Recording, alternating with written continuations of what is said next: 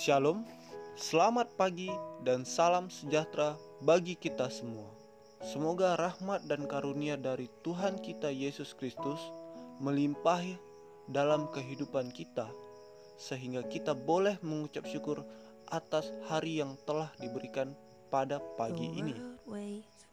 Baik saudaraku yang terkasih di dalam nama Tuhan kita Yesus Kristus, ayat renungan kita pada pagi hari ini diambil dari Mazmur 127 ayat pertama sampai ayat yang kedua. Begini bunyinya. Berkat Tuhan pangkal selamat. Nyanyian Jara Salomo.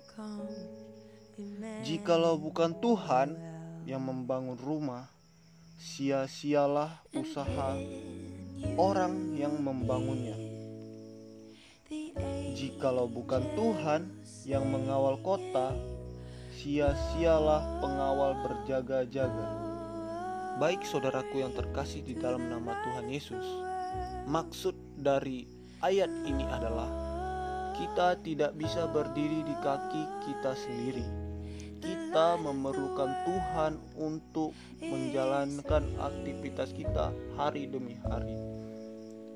Jikalau kita hanya mengandalkan kepintaran, kekuasaan, kekuatan, dan kelebihan yang ada pada diri kita, maka cepat atau lambat, yakinlah saudaraku, itu akan diambil Tuhan dengan cepat. Karena kita hanya bersandar pada pengetahuan kita sendiri, tidak dibarengi oleh hikmat serta kasih karunia yang Tuhan berikan. Seringkali kita manusia menganggap dan menyepelekan hal ini. Mengapa demikian? Hal ini dikarenakan karena manusia sudah merasa kuat dan dia merasa tidak memerlukan Allah Memang kelihatannya agak keras saudaraku. Tapi inilah yang terjadi di kehidupan kita saat ini. Dunia yang kejam membuat kita harus berusaha untuk mengandalkan kekuatan Terus bersaing, tidak boleh kalah, terus berpacu Terus tanpa memperhatikan kesehatan Tanpa memperhatikan sesuatu hal yang berguna bagi kehidupan kita, kita terus memaksa tubuh kita ini untuk bekerja, bekerja, bekerja. Takut akan miskin, lalu dia terus bekerja, bekerja, bekerja sehingga dia mengorbankan kesehatannya dan pada akhirnya dia jatuh sakit dan uang yang digunakan untuk bekerja tersebut habis untuk biaya berobat. Hal ini tentu tidak bijaksana, semua dikarenakan kita mengandalkan diri kita sendiri. Kita tidak menganggap Tuhan sebagai sumber dari berkat yang ada dalam diri kita. Karena itu, langkah kita kadang terseok-seok di tengah, bahkan tidak sampai pada tujuan kita. Di sini Tuhan juga mengajak kita untuk tidak serakah dan tidak tamak akan keduniawian sehingga kita melupakan aspek-aspek tersebut seperti kesehatan baik jiwa, fisik maupun rohani kita. Dilanjutkan pada pasal yang ayat yang kedua yaitu sia-sialah kamu bangun pagi-pagi dan duduk jauh sampai malam dan makan roti yang diperoleh dengan susah payah, sebab ia memberikan kepada yang dicintainya pada waktu tidur. Nah, di sini jelas dikatakan bahwa tubuh kita perlu istirahat, bahwa pikiran kita perlu istirahat, fisik kita juga perlu istirahat. Makanya di sini Tuhan mengatakan, "Sia-sialah kamu bangun pagi duduk sampai jauh malam, dan makan roti yang diperoleh dengan susah payah.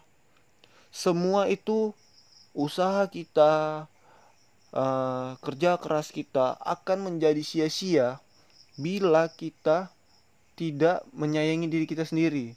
Maksudnya menyayangi diri kita sendiri, kita tidak memberikan rehat pada diri kita sendiri, kita tidak memberikan jeda pada diri kita sendiri untuk istirahat.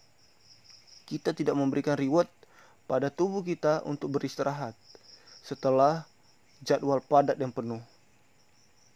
Di sini juga dikatakan sebab ia ia yang dimaksud di sini adalah Tuhan. Memberikannya kepada yang dicintainya pada waktu tidur. Di waktu tidurlah Tuhan memberikan kesehatan. Secara medis tidur tersebut tidur adalah tempat tubuh untuk melakukan regenerasi sel-sel protein dan segala macam yang dibutuhkan oleh tubuh bagus untuk kesehatan otak dan tubuh lainnya itu pada saat malam kita tidur. Itulah mengapa kita memerlukan waktu tidur itu paling minimal itu adalah atau paling maksimal adalah 8 jam sehari. Itulah di saat tersebutlah kita bisa meregenerasi semua tubuh kita sehingga kita bisa kembali beraktivitas pada pagi harinya dengan semangat dan normal.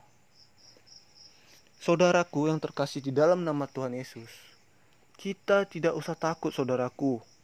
Kita tidak usah takut memberikan reward kepada tubuh kita hanya karena kita takut ketinggalan takut tidak seperti kawan-kawan yang lain sehingga kita terus bekerja dan mengorbankan kesehatan kita.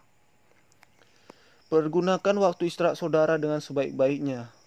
Jangan porsir tenaga kita dan jangan terus-terusan tergila-gila untuk bekerja. Karena nafsu, serakah, dan tamak adalah sumber kehancuran. Jangan merasa rugi apabila kita tidur. Tetapi berbahagialah, sebab ketika kita tidur, Tuhan memberkati kita, saudaraku. Ingat, Tuhan memberkati kita. Ingat, Adam, Tuhan persiapkan pasangannya, yaitu pasangan yang sepadan kepadanya di saat tidur. Dan kita juga ingat ketika Elia tertidur, Tuhan menyuruh malaikat menyediakan makanan bagi kita, bagi dia maksudnya saudaraku. Jadi di sini dari dua tokoh ini kita tidak perlu khawatir. Kita tidak perlu khawatir akan hal yang belum bisa kita capai. Kita tidak perlu khawatir akan hal yang belum bisa kita miliki. Kita tidak perlu khawatir akan hari esok. Karena hari esok memiliki masalahnya sendiri. Hari ini adalah cukup untuk hari ini. Jadi, apa pun yang engkau kerjakan hari ini, cukup engkau doakan pada malam hari, engkau serahkan semua hasil kerja kerasmu kepada Tuhan, maka Tuhan akan memberkati saudara.